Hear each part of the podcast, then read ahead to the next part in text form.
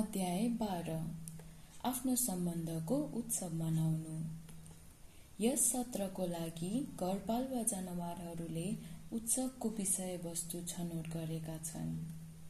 तिनीहरू जोड दिन चाहन्छन् कि जीवन एक उपहार हो र तिनीहरू हामीसँग यो तथ्य मनाउन चाहन्छन् र हामी सबै यसरी सँगै आउँछौँ र हामी कहिलेकाहीँ खेल्छौँ गाउँछौँ र सँगै जीवनको पलहरू खुसीले मनाउँछौँ।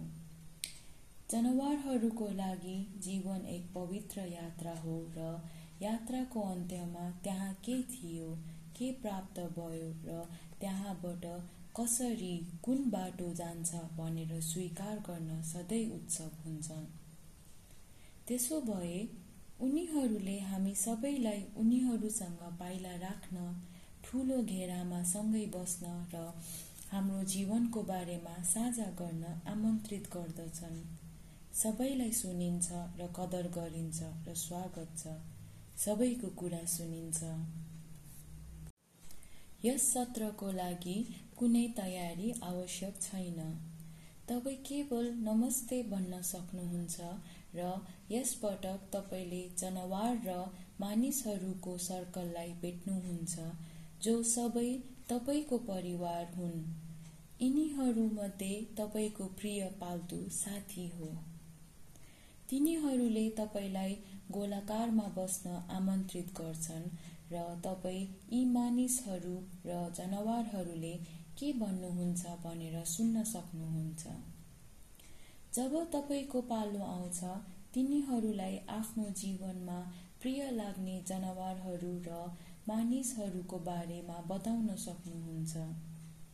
तपाईँ आफ्नो घरपालुवा जनावरसँग तपाईँको जीवन र के धेरै विशेष थियो र तपाईँ अहिले कस्तो महसुस गर्नुहुन्छ भन्ने बारे साझा गर्न सक्नुहुन्छ।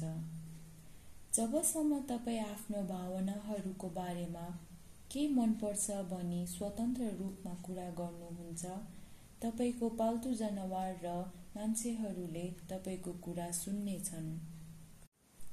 यो तपाईँको परिवार हो र तपाईँ महसुस गर्न सक्षम हुनुहुनेछ कि उनीहरूले तपाईँको अनुभवमा कसरी भाग लिन्छन् र तपाईँले भनेका प्रत्येक शब्दलाई स्वीकार र सम्मान गर्नेछन्?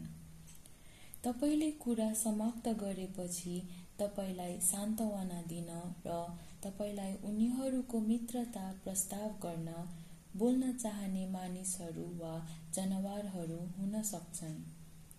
जान्नुहोस् कि तपाईँ यहाँ साथीहरू माझ हुनुहुन्छ यी प्राणीहरू जुन जसले तपाईँलाई तपाईँको जीवनभर साथ दिनेछन्।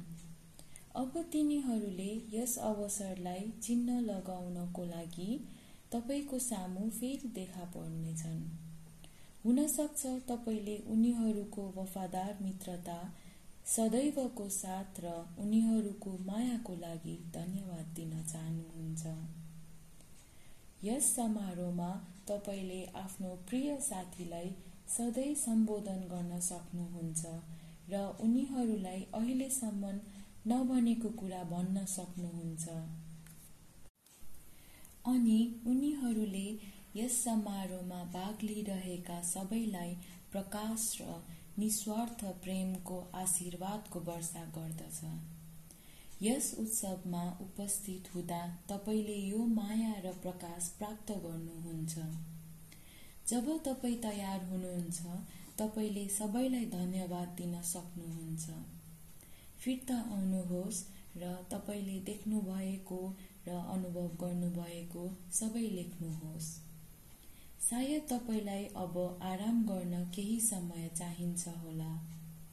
तपाईँ आफैलाई भूमिगत गर्न र तपाईँले सुनेको सबै पचाउनको लागि प्रकृति वरिपरि हिँड्न सक्नुहुन्छ।